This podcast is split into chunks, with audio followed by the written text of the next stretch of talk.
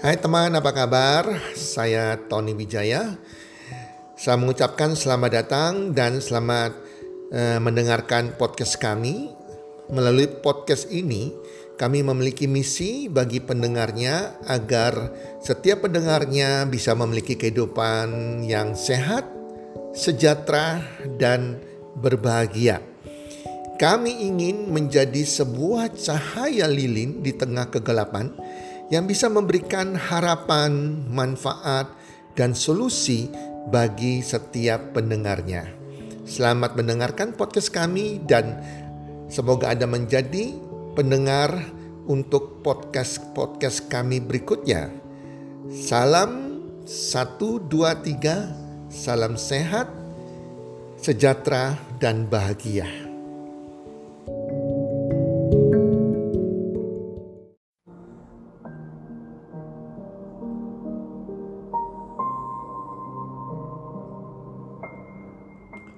Dasar kekuatan sebuah hubungan. Hai para pendengar podcast, apa kabar? Di mana pun Anda berada saat ini. Harapan saya dan doa saya semoga Anda bersama keluarga dalam keadaan sehat walafiat dan berbahagia selalu. Dan pastinya makin hari makin bertambah rezeki Anda, makin bertambah kesuksesan Anda.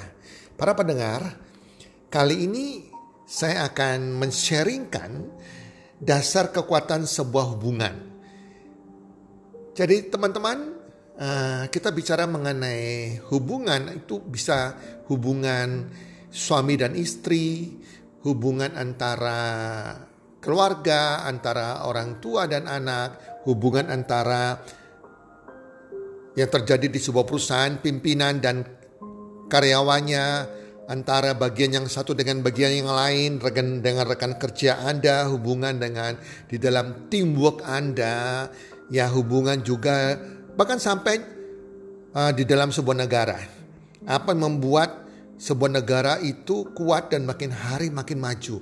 Dasarnya adalah sebuah hubungan, teman-teman. Nah, hubungan dalam arti apa? Jadi ada sebuah dasar yang mendasari sebuah hubungan sehingga semua terjadi harmonis dan menjadi kekuatan yang sangat luar biasa. Dasarnya adalah kasih. Sekali lagi kasih. Banyak orang yang bertanya kepada saya, apa itu kasih? Jadi kasih itu adalah penjabarannya luas para pendengar. Kasih itu bukan bicara tentang cinta saja. Cinta antara sepasang anak manusia atau orang tua dan anak atau cinta pertemanan bukan sekedar itu. Kasih bicara lebih luas dari cinta. Oke, kita akan bahas sama-sama tentang kasih itu. Kasih itu adalah sabar. Dalam sebuah hubungan diperlukan sebuah kesabaran.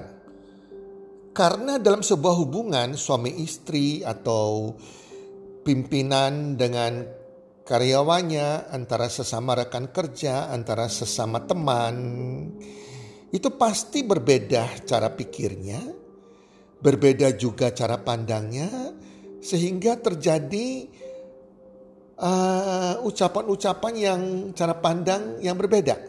Dan ini membuat seseorang dengan satu yang lain bisa terjadi emosi karena berbeda cara pandangnya, Nah, di sinilah diperlukan itu sabar. Kasih itu sabar.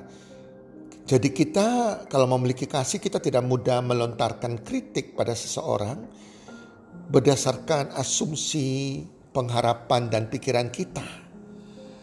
Karena tidak semua orang suka dikritik. Kita harus sabar. Sabar juga bicara mengenai kita juga sabar melalui segala penderitaan, sambil mencari pelajaran apa yang kita dapat dalam sebuah penderitaan tersebut.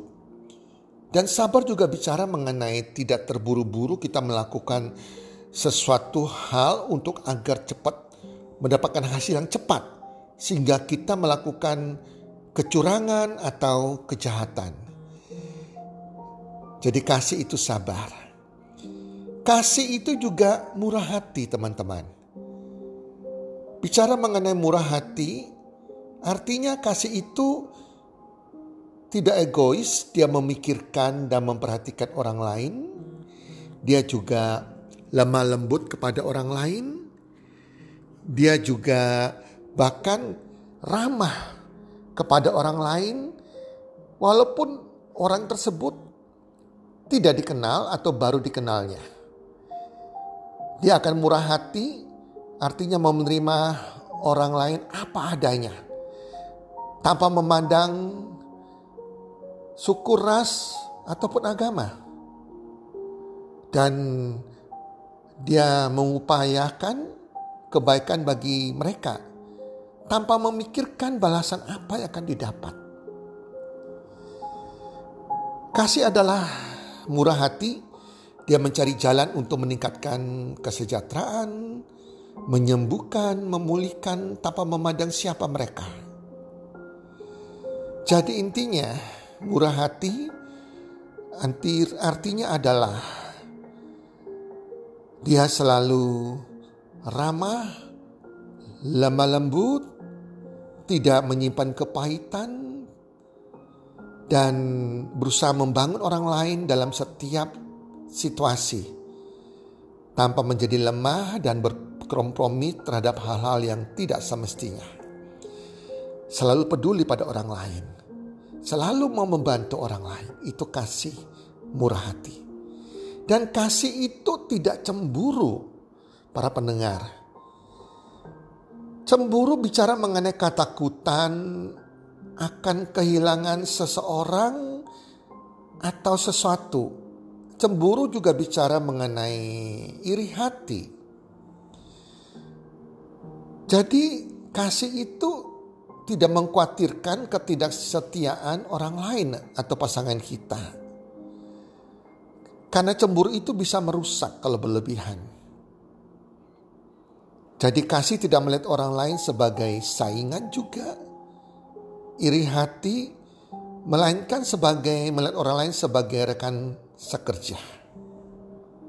Kita tidak cemburu dengan kesuksesan orang lain dan kita tidak cemburu dengan pasangan kita, teman-teman. Kita harus percaya kepada teman kita. Itu yang namanya kasih. Kasih tidak memegahkan diri dan tidak sombong. Teman-teman, kasih tidak memaksakan kehendak kita. Kasih tidak memandang rendah orang lain. Kasih tidak merasa kita lebih pandai, lebih hebat dari orang lain Kasih tidak menganggap bahwa kita yang terbaik. Orang lain tidak terbaik. Karena setiap orang punya kelebihan kekurangan masing-masing. Kasih tidak juga mencari-cari jalan seperti ingin meraih kekuasaan, kontrol otoritas. Dia tidak mau memanfaatkan jabatannya dan juga menguasai orang lain hanya sekedar untuk menunjukkan kekuasaannya. Itu dimaksudkan di dalam tidak membanggakan diri, dan tidak sombong dan juga tidak terobsesi terobsesi untuk mengontrol orang lain. Ia tidak kasar, tidak memandang rendah orang lain agar kelihatan dirinya yang bagus, tidak bicara sombong dan mengakui kelemahan dan kesalahannya. Jika ia ada berbuat kesalahan atau kelemahan. Itu dikatakan kasih tidak membanggakan diri dan tidak sombong. Kasih juga tidak melakukan yang tidak sopan. Segala sesuatu yang kita lakukan tidak sopan, itu artinya kita tidak memiliki kasih dan akan meretakkan sebuah hubungan. Tidak sopan bukan saja berarti dalam arti kita mengadakan melakukan sebuah pelecehan, khususnya pelecehan seksual, kita melakukan hal yang tidak pantas di pandang masyarakat, tetapi lewat ucapan kita yang keluar tidak sopan. Kita bicara yang kasar, kita bicara yang kotor, kita bicara yang menghina orang. Kasih tidak mencari keuntungan diri sendiri, teman-teman, kasih tidak mencari keuntungan diri sendiri, itu artinya jangan pernah kita berpikir apa yang aku akan dapatkan. Melainkan selalu berpikir apa yang bisa aku korbankan, apa yang bisa aku lakukan. Kasih selalu membagikan berkat dulu, menabur dulu, baru menuai. Kasih berusaha mencari penyelesaian yang win and win, sama-sama menguntungkan, sama-sama menang. Berikutnya lagi, kasih tidak pemarah dan tidak menyimpan kesalahan orang lain. Jangan pernah kita mengatakan kita memiliki kasih, kita memiliki cinta, kalau kita sering marah-marah kepada pasangan kita, kita marah-marah kepada orang tua kita, kita marah-marah kepada Tuhan kita, kita marah-marah kepada pemerintah kita, dan kita bahkan menyimpan kesalahan orang lain. Kesalahan pada orang tua kita, kesalahan pasangan kita, bahkan menyimpan sampai puluhan tahun. Itu bukan namanya kasih, bukan namanya cinta. Kasih itu dia mudah memaafkan teman-teman dan membuang kesalahan orang lain ke laut. Tidak diingat-ingat lagi. Bahkan setelah dia buang ke laut, dia pasang tanda dilarang memancing di sini. Itu contohnya teman-teman ya. Jadi kasih tidak pemarah dan tidak menyimpan kesalahan orang lain. Dan kasih tidak bersuka cita karena ketidakadilan. Tetapi karena kebenaran. Kalau kita melihat ada sesuatu yang tidak adil terjadi di dalam masyarakat lah kita bilang kepada orang lain. Even bahkan yang tidak kita kenal dan kita cuek. Ya, seseorang diperlakukan tidak adil. Itu artinya kita tidak punya kasih teman-teman. Jadi apalagi dengan pasangan kita dengan orang tua kita. Jadi kasih itu ya kita nggak bisa kompromi dengan dengan ketidakbenaran. Jadi kita harus membelah hak-hak orang lain. Memperlakukan adil kepada orang lain juga. Karena kalau kita memperlakukan orang lain dengan benar, dengan adil, maka kita akan mendapatkan hal tersebut juga. Kasih menutupi segala sesuatu. Di sini berarti bahwa kita tidak membicarakan keburukan dan kesalahan orang lain. Jika kita tahu ada kesalahan orang lain, keburukan orang lain, apalagi dari pasangan kita, kita tidak mengumbar, menceritakan kepada orang lain. Jadi kita menutupi segala kekurangan keburukan orang lain. Bahkan kita doakan mereka. Kita lupakan doakan mereka sehingga hubungan tetap terjalin dengan baik. Kalau kita menyebarkan berita yang tidak baik atau hoax itu bukan kasih namanya. Kasih menutupi segala sesuatu. Dan kemudian kasih percaya segala sesuatu. Orang yang punya kasih selalu percaya bahwa tidak ada batasan pada apa yang Tuhan dapat kerjakan. Anda percaya bahwa Tuhan mampu mengerjakan segala sesuatu, mampu memberikan jalan keluar bagi masalah Anda. Di sini berbicara bahwa Anda percaya bahwa Tuhan dapat membawa perubahan dalam kehidupan orang termasuk kehidupan Anda. Merubah situasi, bahkan merubah bangsa dan negara kita. Kasih di sini artinya juga percaya lebih dari sekedar apa yang dapat kita lihat dengan mata kita. Walaupun kita melihat segala sesuatu itu tidak baik, tapi kita percaya bahwa sesuatu itu akan menjadi baik Tuhan pasti mengubahnya menjadi sesuatu yang baik nantinya.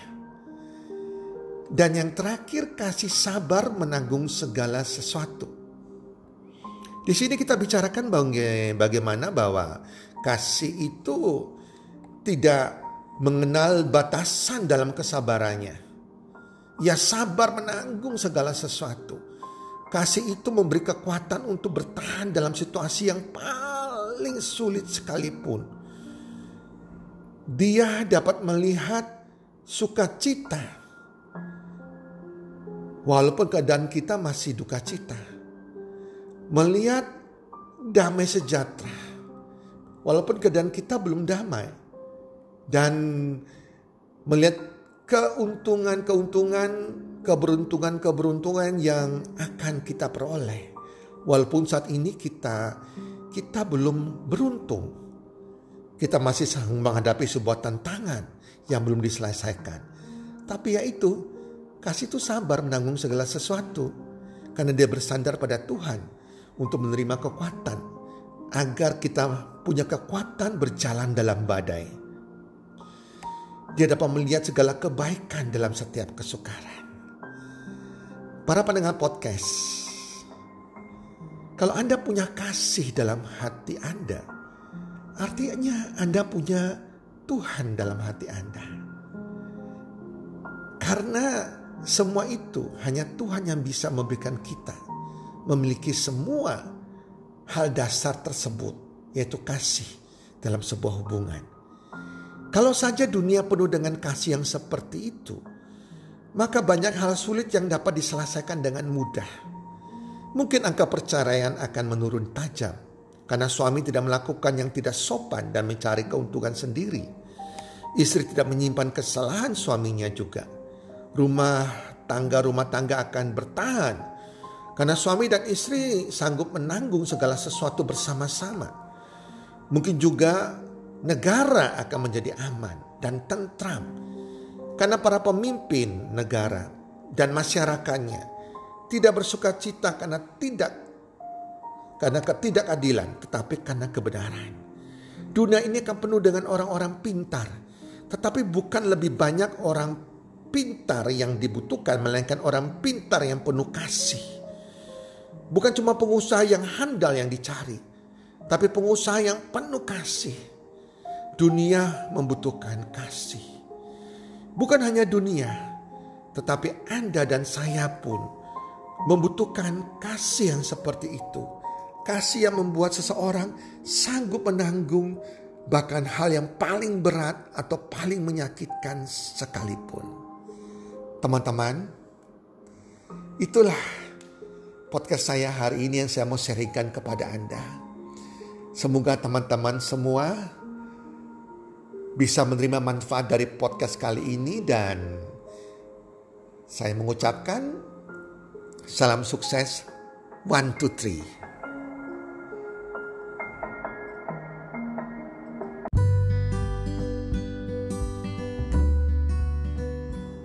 Terima kasih sudah mendengarkan podcast kami. Teman, jika Anda rasa bermanfaat podcast kami ini, Anda bisa menginfokan kepada rekan kerja Anda keluarga Anda, teman ataupun sahabat Anda. Dan jika ada hal-hal yang Anda ingin tanyakan kepada kami ataupun topik-topik apa yang Anda ingin kami bawakan, kami sampaikan, Anda bisa DM kami di Instagram kami healthcommunity.id. Salam one two three, salam sehat, sejahtera dan bahagia.